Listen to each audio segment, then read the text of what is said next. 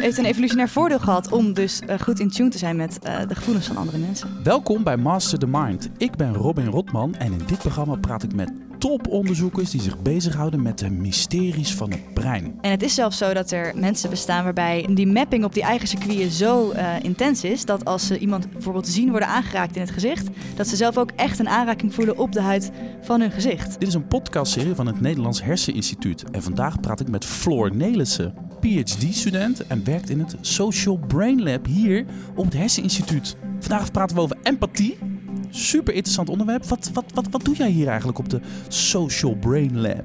Ja, het is heel leuk, want uh, op de Social Brain Lab onderzoeken we dus empathie. En dat doen we met allerlei verschillende soorten uh, coole technieken om uh, in het brein te kunnen kijken. En ik ben één daarvan aan het opzetten. Jij bent een techniek aan het ontwikkelen om in het brein te kijken? Zeg je dat nou? Ja, precies. Wow. Oké, okay, uh, we hebben het vaak over empathie. En dat, als ik daarover ga nadenken, dan gaat het aan alle kanten bruisen. Maar wat, wat, wat is nou eigenlijk empathie? Wat is dat voor ding? Ja, het is eigenlijk een woord dat je heel vaak hoort en waar heel verschillende soorten uh, definities over zijn in verschillende velden. Maar wat, uh, wat, ja, wat wij gebruiken als definitie en wat het volgens mij ook is, is dat je het mee, mee kan voelen met iemand anders uh, gevoel of emotie. En dat je dan echt ook meevoelt wat die andere persoon aan het voelen is. En is het dan meevoelen of is het, is het, ook, is het ook inlevingsvermogen of is het ook echt meevoelen? Dat zijn toch twee verschillende dingen, of niet? Ja, klopt. Dat is eigenlijk een heel belangrijk punt, want er zijn eigenlijk twee kanten aan. Je hebt affectieve empathie en cognitieve empathie. Ja. En affectieve empathie is echt het meevoelen met iemand. Dus als iemand uh, iets heel vies drinkt en je ziet echt zijn gezicht vertrekken, dat je zelf ook een beetje misselijk wordt van, oh, dat, dat was het echt gewoon heel echt vies. gewoon begint te kraken in je kaak. je- Ja, oh, ja, ja. Of als iemand ziet huilen, dat je dan ook een, een brok in je keel krijgt of zoiets. Ehm, en cognitieve empathie is echt wat je zei, dat je je kan inleven of in iemand anders eh, situatie kan plaatsen. Dat is een beetje op een rationele niveau. Eh, Snappen dat iemand over de zeik is en dat je dat snapt. Ja, en dat je op die manier meevoelt. Ja. Ja. Jij werkt op het Social Brain Lab. En dan is empathie, lijkt me daar, voor sociaal gedrag, lijkt me daar essentieel. Dat is toch het ingrediënt, hoor? Empathie, dat maakt ons sociaal. Is dat een terechte aanname van mij? Eh, ja, nou, het is in elk geval een hele goede vraag, want dat is ook een van de dingen die wij onderzoeken. Eh, in hoeverre eh, draagt empathie of het, of het vermogen om, om je empathisch op te stellen iemand anders bij aan prosociaal gedrag? Dus het zou een motivator kunnen zijn om iemand anders te helpen. Als iemand anders pijn heeft Ja. En jij voelt die pijn ook echt mee met die persoon, dat je dan meer eh, geneigd bent om ook die pijn van de ander te verlichten en, en te helpen als iemand is gevallen bijvoorbeeld. En eh, ik neem aan, dit wordt natuurlijk ook onderzocht bij dieren, bij, weet ik veel. Apen denk ik ook, er worden natuurlijk altijd mee vergeleken. Misschien ook wel muizen, whatever. Zijn wij nou empathische we- of empathischere wezens dan andere diersoorten? Ja, ja, dat is een hele goede vraag. Want eh, we kunnen natuurlijk niet aan andere dieren vragen eh, of zij ook verdrietig zijn en hoe, hoe erg dan. En of ze dan weten of dat dan komt doordat ze zelf verdrietig zijn of door iemand anders. Maar wat je wel kan zien in dieren is dat wel die overdracht van die emotie, dus het overnemen van de, eh, ja, de internal state noemen we dan, dus de innerlijke staat van een ander dier, dat gebeurt wel.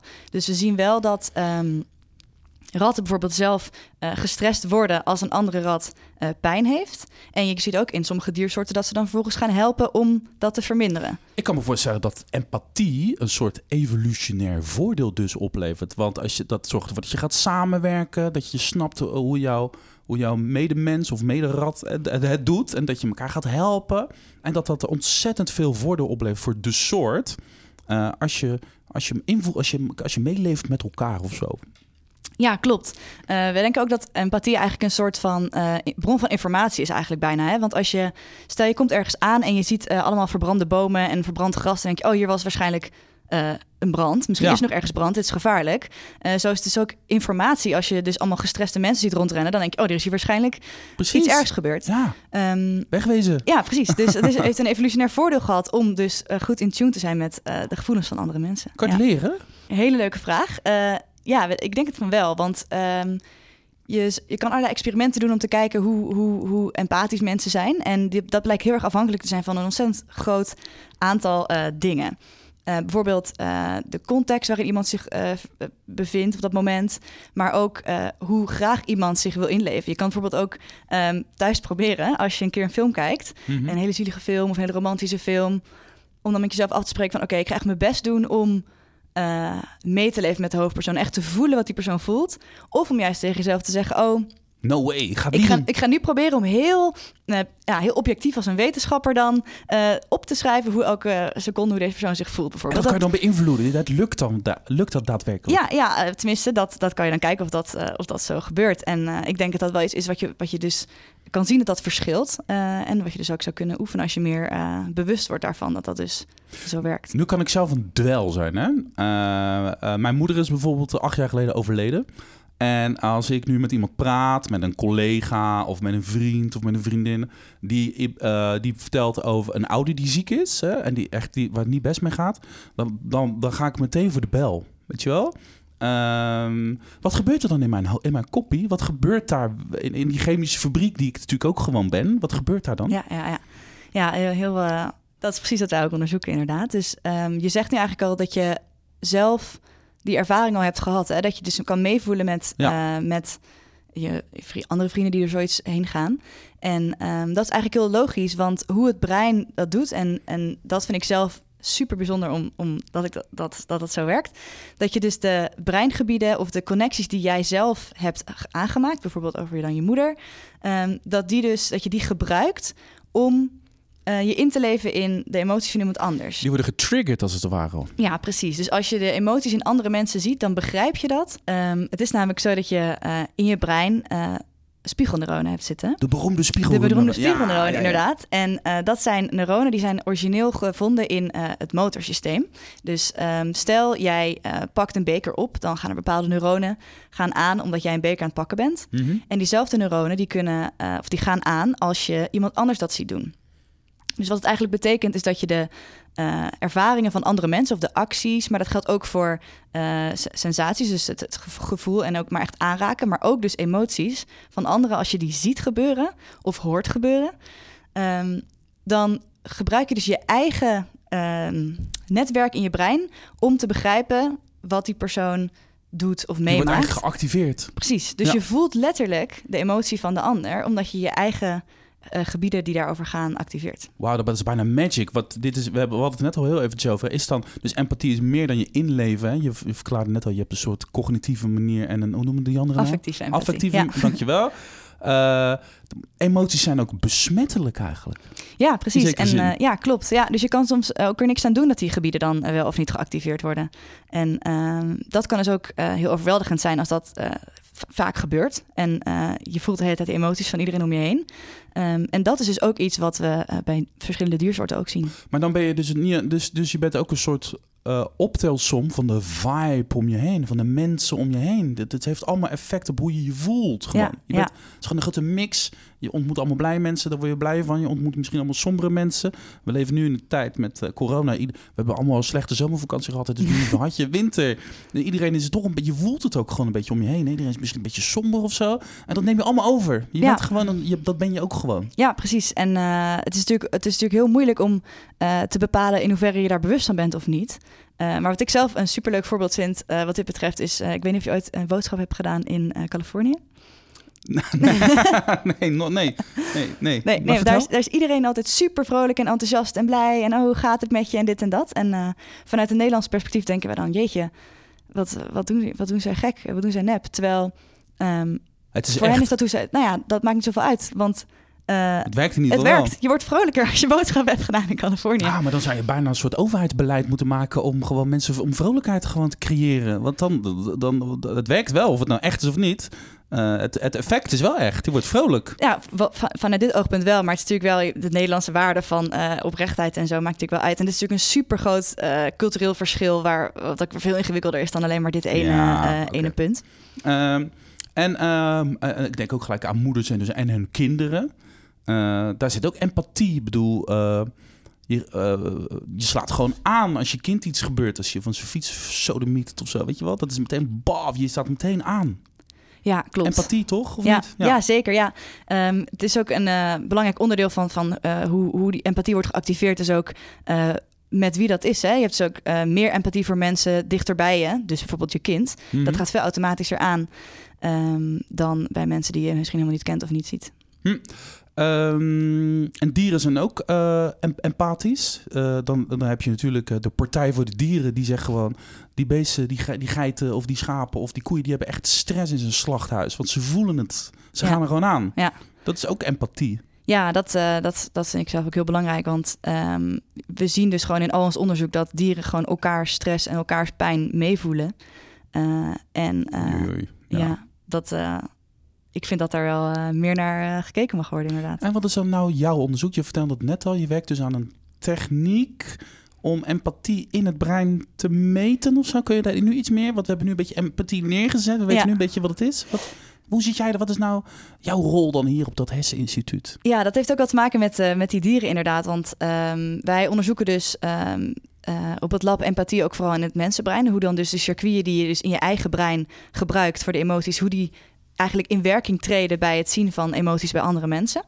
Ehm, en eh, wij proberen eigenlijk ook te laten zien dat dat ook zo werkt in, eh, in eh, dieren. En dan vooral dus die affectieve component. Dus die bes- de smettelijkheid van die emotie. Dat overdragen van die stress bijvoorbeeld. Of, eh, Dat lijkt me stiekem ook de leukste om te onderzoeken, weet je wel? ja? ja, natuurlijk. Dat, dat is, dat, daar zit een beetje de magic volgens mij. Die rationelere, die kan je uitvragen. Dat is, dat is, die lijkt me... Die, die, die, die eh, affectieve, dat, dat, dat is wat, wat on, eh, noem je dat nou? Minder tastbaar of zo, voor, voor mijn gevoel. Ja, het is bijna een soort van de intuïtie eigenlijk Ja, die je hebt. dat eh, ja, dat vind ik ook heel leuk, want het is eh, heel vaak altijd zo neergezet van... oh, emoties, die zijn niet rationeel en dus is de informatie niet betrouwbaar. Terwijl ik juist denk dat het hele betrouwbare informatie is. Als je dus bewust weet ehm, waar die vandaan komt... en dat je dus altijd je eigen eh, ervaringen gebruikt om anderen te begrijpen. Daar moet je wel bewust van zijn. Dat het dus wel Ja, Ehm, grappig. ja, een beetje eh gebiased kan zijn eigenlijk. Ik heb een paar eh, stellingen meegenomen. Dat zijn waar of niet waar vragen. Dat is natuurlijk vreselijk irritant voor een wetenschapper. Want die willen natuurlijk nuance. Die mag, je, je mag achteraf nuanceren. Maar mag ik je een paar stellingen voorleggen? Ja, natuurlijk. Kinderen moeten wekelijks een uurtje empathieles krijgen op school. Waar? Oeh, dat vind ik al gelijk een leuke. Ja. Uiteindelijk zullen robots over empathie beschikken. Ehm, ja, waar? Tot op zekere hoogte, denk ik. Ook zonder empathie kun je een goed mens zijn. Nou, dat is een hele, hele ingewikkelde vraag. Vind je die moeilijk? Wat ja. is een goed mens? ja, weet ik niet. Wat zeg je, gut feeling? Ja of nee? Kun je een goed mens zijn zonder empathie? Dus dan moet je waarschijnlijk, dat is eigenlijk steeds een vraag die nodigt een beetje uit. Om misschien te kijken, kun je zeg maar op die, op die cognitieve empathie, kun je het daarmee doen of zo? Hè? Dat is dan een beetje denk ik wat ik wil weten. Als je dan zeg maar die affectieve empathie niet hebt, om welke Ja. reden dan ook, Ja. kun je dan zeg maar op ratio toch empathisch zijn. Ja, En, en, en dus het juiste doen als iemand over de zeik is of verdriet heeft of pijn heeft. Dat je, Maar dan bedoel je dus dat cognitieve empathie ehm, geen empathie is. ja, wel juist. Ja. Dus dat je dus op, Want dan op- heb je, op- dat heb je dan dus als... Dus dat je op ratio eh, emoties kan overnemen, zoiets. Moeilijk, ja. Ik weet zelf ook niet zo goed wat ik, wat ik wil weten. Oké, deze is moeilijk. Oké, oké, het is lastig. Kinderen moeten wekelijks een uurtje empathieles krijgen op school. Dat Ja. is leuk. Dat Ja, is wel leuk, vind ik een heel goed idee. Jeetje. ja. En wat, Ehm, eh, wat gaan we dan doen? Hoe gaan we dat doen dan? ja, ik weet toevallig dat er een, eh, een programma is van, eh, in Canada. Dat heet Roots of Empathy. En daar hebben ze, eh moet ik het goed vertellen hoor. Daar hebben ze, ehm, geloof ik, bij kinderen eh, rond 8 of 10 jaar, de basisschool eh, leeftijd in elk geval, ehm, een paar keer, ik, ik weet niet over hoe lange tijd meer, maar ehm, een kleuter meegenomen naar de les. En dan gingen ze dus, eh, die, die kleuter die was daar dan en iedereen vond die kleuter dan schattig of ging automatischer empathie voelen naar die, die kleuter. Mhm. Ehm, en dan aan de hand daarvan dus probeer te begrijpen, oh, waar- waarom voelt hij dit? Of wat voelt hij op dit moment? Of wat vindt hij ervan? En eh, ja, volgens mij had dat hele positieve effecten. Maar dan moet ik weer even, even nazoeken of dat. eh ja, maar dat maakt niet uit. Het gaat mij er meer om. Je kan het dus kennelijk leren. Eh, Ja. En kennelijk vinden we empathie een goed iets. Ja. Eh, en eh, als we dat zouden kunnen meebrengen met, met, met kinderen op school, dan krijgen we gewoon een betere wereld. Dat is een beetje misschien wat ik wil weten. Weet Ja, je wel? ja Zo, ik en denk dat, het, dat je daar twee, twee hele belangrijke dingen kan, kan meegeven aan kinderen. Want ehm, het omgaan met je eigen emoties en het, het leren begrijpen van wat je, eigen, eh, wat je voelt in je eigen lichaam. Als je bijvoorbeeld een emotie zelf meemaakt of een ander. Dat is iets wat je gewoon. Wat, wat, wat je nog steeds aan het leren bent als je volwassen bent, volgens mij. Maar waar je dus niet vroeg genoeg mee kan beginnen. Ja, leuk. Ehm, en dus ook de, de soort van verantwoordelijkheid die je dus hebt over de emoties van andere mensen. met jouw gedrag en met jouw beslissingen, hoe dat uh, impact kan hebben op andere mensen. En het hoeft helemaal niet heel ingewikkeld te zijn, maar gewoon met kleine oefeningen dat kan je, dat waarschijnlijk al. Van wordt. Ja, dat dat dingen zijn waar je over, uh, over kan nadenken. En over die robots hè, weet ik eigenlijk ook niet zo goed wat ik wil weten als ik er nu over nadenk. Want ja. uh, uh, gaat deze vraag over de empathie van robots, over hoe wij ons tot robots gaan verhouden als zij zich dus kennelijk empathisch kunnen opstellen. Of ik dat dan interessant vind. Want misschien is het vanuit een uh, wetenschappelijk standpunt. Als je empathie wil aanleren aan robots, zou je dus echt heel goed moeten weten wat het precies is. Uh, en hoe je dat kan aanleren aan een robot. En dat is misschien voor, voor jouw vakgebied nog interessanter eigenlijk, toch? Ja, ik, toen je die vraag stelde, dacht ik van, nou ja, ik vind het voor cognitieve empathie, denk ik dat een robot dat wel zou kunnen. Want dan zou je kunnen leren van, oké, okay, uh, eh, hij, hij, zou in de toekomst, hè, dan kan je dus misschien wel alles meten van andere, van mensen of weet ik veel. En uh, kan je misschien precies aanvoelen wat voor staat iemand is. Mm -hmm. En dan kan je misschien inderdaad met, met uh, in zijn algoritme dan zeggen, oké, okay, als iemand dit en dit is, dan voelt hij zich zo. Mm -hmm. En dan um, kan je dit of dat wel zeggen of niet zeggen om, om erop in te gaan. Dat zou oprecht heel nuttig kunnen zijn voor bijvoorbeeld uh, eenzame ouderen of zo. Als er dan een soort ja, humaanachtige robot bij een zou zitten. empathische robot. Ja, ik denk dat dat wel... Um, we gaan ze in de zorg natuurlijk kunnen. Nee, dat is mensenwerk en we gaan dat niet aan robots overlaten. Maar ik heb ook wel eens een keer een hoogleraar geïnterviewd in Tilburg. Uh, en die zei, die is erover van overtuigd dat we in de toekomst uh, liefdesrelaties zullen ontstaan tussen mens en robot. Nu maakt me niet zo uit wat jij ervan vindt, maar het, het, is wel het is een leuk gedachte-experiment, op zijn minst, toch? Ja, ja, ja, maar die affectieve empathie, die, dat lijkt me wel heel moeilijk. Want daarvoor zien wij dus echt in onze experimenten dat je dus echt die gedeelde, die spiegelneuronen echt nodig hebt. En die, die mapping van andere mensen hun emoties op je eigen breingebieden. En om dat in een robot te krijgen lijkt me wel uh, dat een lijkt me lastiger. Ja, ja. ja.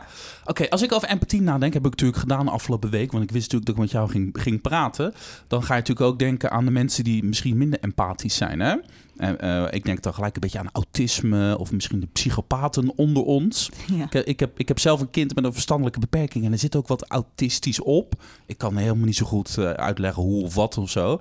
Maar ik weet wel dat als ik huilend voor zijn snuffert sta, dan nou, dan, dan nou, laat, hem, laat het hem niet helemaal koud. Maar, hij, eh, oh, maar op een gegeven moment zegt hij wel: uh, Papa, uh, traantjes troosten. Dus hij snapt dat er iets aan de hand is. Ik heb niet de indruk dat hij het echt overneemt. Dus dat is een beetje die autistische kant. Maar bij, je hebt ook psychopaten, die hebben natuurlijk compleet gebrek aan empathie. weet je wel?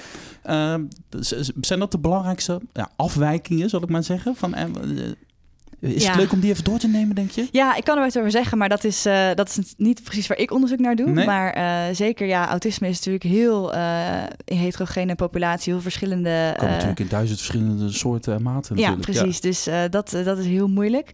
Um, maar um, er is wel een uh, heel belangrijk onderzoek dat is gedaan door mijn lab uh, met mensen met psychopathie. Mm. En dan is het ook belangrijk om te zeggen dat ook dat weer een schaal is. Dus je ja, kan inderdaad weer uh, meer of minder. helemaal 100% aanpassen of 100% niet. Er zit natuurlijk van alles bij. Er gaat natuurlijk een psychopaat schuil in ons allemaal. nou, dat is misschien wel bijna waar ik naartoe wil. Want um, er is uh, Valeria, mijn, mijn, uh, de groepsleider van onze groep, mm -hmm. heeft dus een experiment gedaan met inderdaad mensen uit die echt ook uh, in de gevangenis zitten, omdat ze dus ja, iets crimineels hebben gedaan. Mm -hmm. Met een hoge psychopathie-score. En die zijn naar het lab gekomen en hebben we in een MRI-scanner zijn die gelegd. En um, hoe je dan dus kan meten in hoeverre iemand die, die, die spiegelactiviteit gebruikt in zijn brein, is dan, dan laat je hem dus zelf bijvoorbeeld een klein schokje op de hand ervaren. Dus een soort van ja, pijn, het is meer een soort van schrikachtig iets. Ja. En dan daarna dat zien bij andere mensen. En wat we dan dus zien bij uh, neurotypische individuele mensen, is dat, uh, dat die. Um, diezelfde breingebieden dus actief worden als je pijn ervaart en als je pijn ziet ervaren. Mm -hmm. um, en um, bij mensen met psychopathie was die activiteit dus bij het zien van de pijnstimulus van de schok was ontzettend verminderd vergeleken met uh, de controle. Maar bij zichzelf al, dus die voelde zijn eigen pijn ook minder? Nee, eigen pijn was wel intact, ja. Dus, ah. dus bij het zien van de pijn van de ander werden die eigen pijncircuiten minder Niet getriggerd. Uh, getriggerd.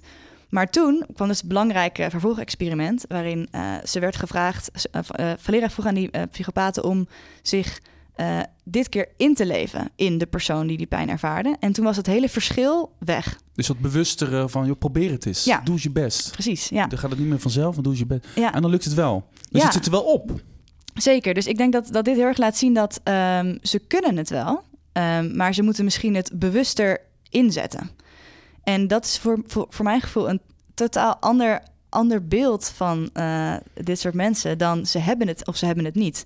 Ik denk dus dat iedereen een bepaald, of dat denken we, we denken dat iedereen een bepaalde uh, ja, startwaarde heeft met empathie en hoe, hoe, automatisch dat gaat. Maar je kan het bewust uh, aanzetten en uitzetten. Maar dat is een hoopgevende boodschap eigenlijk. Ja, ja terwijl weer ook, uh, dat kan je ook weer leren. Dus dan moet je ook natuurlijk weer... Ja, nou, maar dat zegt bijvoorbeeld een beetje dat je bijvoorbeeld ook kan gaan onderzoeken van... ja, misschien heeft deze meneer of mevrouw in het verleden een succesvolle strategie gehad, overlevingsmechanismes, omdat hij in een moeilijke situatie kwam of niet. Maar in ieder geval om dat uit te zetten, dat het een functie gehad heeft. Uh, maar dat het dus later uh, dus wel tot uh, ellende heeft geleid. Hè? Maar dan kan je dus iemand, dan kan je gewoon therapie doen voor als iemand zijn straf heeft uitgezeten. Ja. Dan, dan kan je dus wel iemand weer dan heb je gewoon een handvatten om, om iemand weer gewoon op de rechte pad te krijgen. Ja, en het leuke is dus dat die handvatten inderdaad niet per se hoeven te gaan in het kader van we gaan nu empathie aanleren, want dat, dat zit er dus al. Maar meer de bewustwording van dat dat vaker meer een gewoonte moet worden, bijvoorbeeld. En het is een hele andere soort. Ja. Um, ja en, en als je nou bijvoorbeeld hoogsensitief bent, dus ook, dat is natuurlijk dat is een hele moderne term. Die, die, die bladeren staan er vol, maar iedereen heeft tegenwoordig ja. hoogsensitiviteit. Nou, laten we even ervan uitgaan dat dat inderdaad kan. Ja. Uh, ben je dan eigenlijk misschien te empathisch? Ja, dat zou best kunnen. Daar weet ik ook weer uh, niks uh, van specifiek zelf. Maar ik kan me voorstellen dat het inderdaad dus zo is dat die mensen juist heel veel uh, meevoelen met andere mensen en heel erg bewust zeg maar, die gevoelens allemaal binnenkrijgen. En het is zelfs zo dat er mensen bestaan waarbij dat zo die, die mapping op die eigen circuiten zo uh, intens is dat als ze iemand bijvoorbeeld zien worden aangeraakt in het gezicht, dat ze zelf ook echt een aanraking voelen op de huid van hun gezicht. Zo, dan ben je echt gevoelig voor alles wat om je heen ja. gebeurt. En die zouden uh, misschien dat inderdaad op die manier kunnen proberen te reguleren naar wat minder. Of meer die grenzen proberen te voelen tussen is dit mijn emotie of is het van iemand anders? En ja, kan ik wat met die emotie van iemand anders? Of ja, want het is natuurlijk heel overweldigend als je dat de hele dag voelt.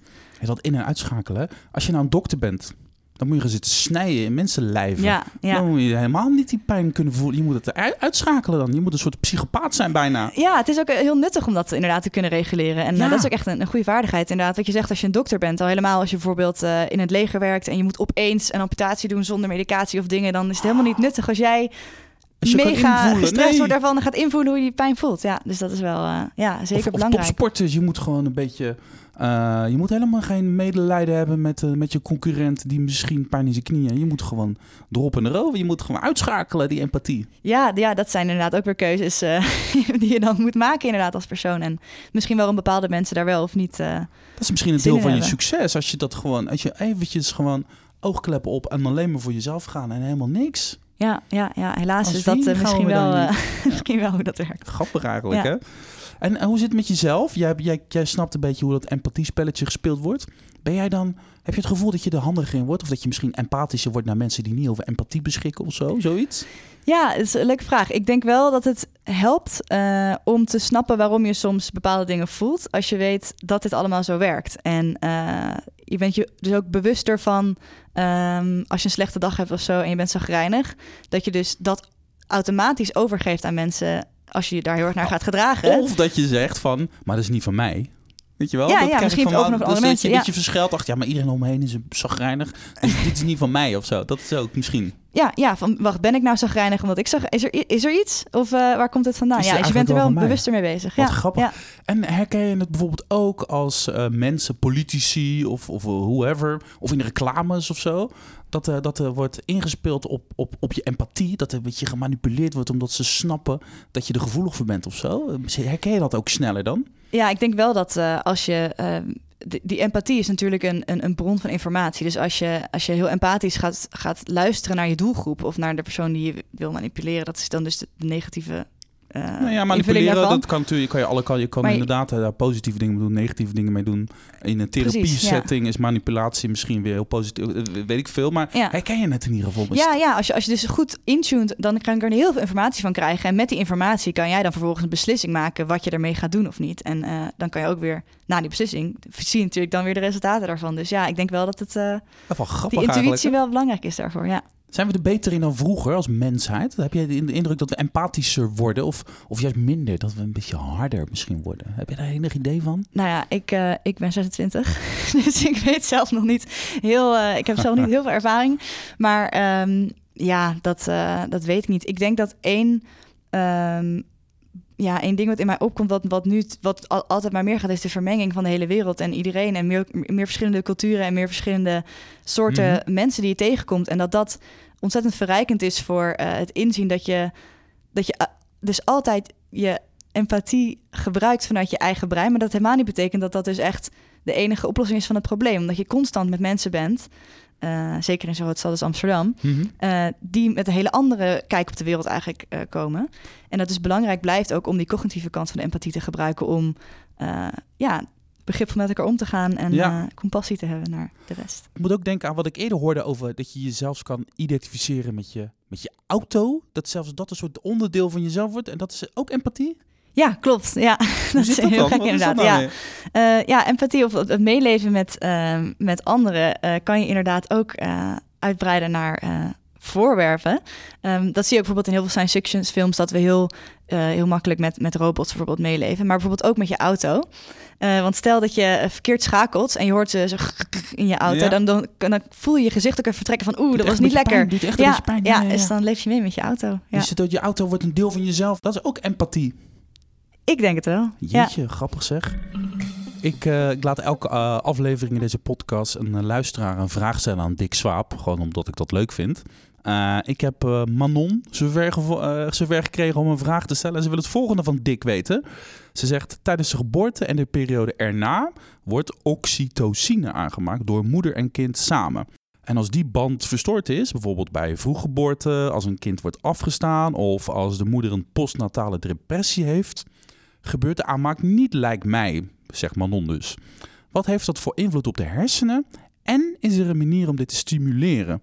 Nou, ik ben, laten we luisteren naar Dick. Oxytocine is ontzettend belangrijk voor ehm, de band tussen moeder en kind. En eh, bij normale baring wordt oxytocine afgegeven door de moeder. En bovendien, wanneer de moeder eh, melk geeft aan het kind, dan komt er weer een enorme hoeveelheid oxytocine vrij. Maar niet alleen bij de moeder, maar ook bij het kind zelf, wanneer eh, er warm contact is tussen de moeder en het kind. En dat warme contact, eh, ehm, wanneer dat niet optreedt, bijvoorbeeld omdat de moeder en het kind gescheiden zijn, de moeder, eh, de, het, kind ehm, is in een couveuse geplaatst, of ehm, het kind wordt verwaarloosd, of uh, het kind uh, uh, komt onder moeilijke medische omstandigheden, dan treedt die interactie tussen moeder en kind met oxytocine niet op en dan kan die band verstoord worden. En het probleem daarvan is dat dit, net zoals vele processen in de hersenen, een nu of nooit systeem is. Wanneer dat niet wordt vastgelegd op het juiste moment, dan is dat heel moeilijk of onmogelijk om dat later weer in te halen. Dus dan krijg je een situatie waarbij de band tussen moeder en kind uh, uh, permanent uh, verstoord is, verzwakt is. Oxytocine, een beetje het liefdeshormoon is dat, hè? het knuffelhormoon. Is dat, inderdaad, is, dat, is dat essentieel voor empathie? Heb je daar enig idee van? Ja, ik, ja, ik kan me goed voorstellen. Uh, ik weet dat er onderzoek naar wordt gedaan, maar ik weet zelf uh, niet hoe dat in het grote netwerkplaatje past van. Uh, nee. nee, nee, nee. Dat, je zegt net dat je 26 bent, hè? Ja, ja je bent hartstikke jong. Als jij nou naar jouw uh, vakgebied kijkt, hè, empathie en, en de magic en de, de, de connectie die we met z'n allen hebben.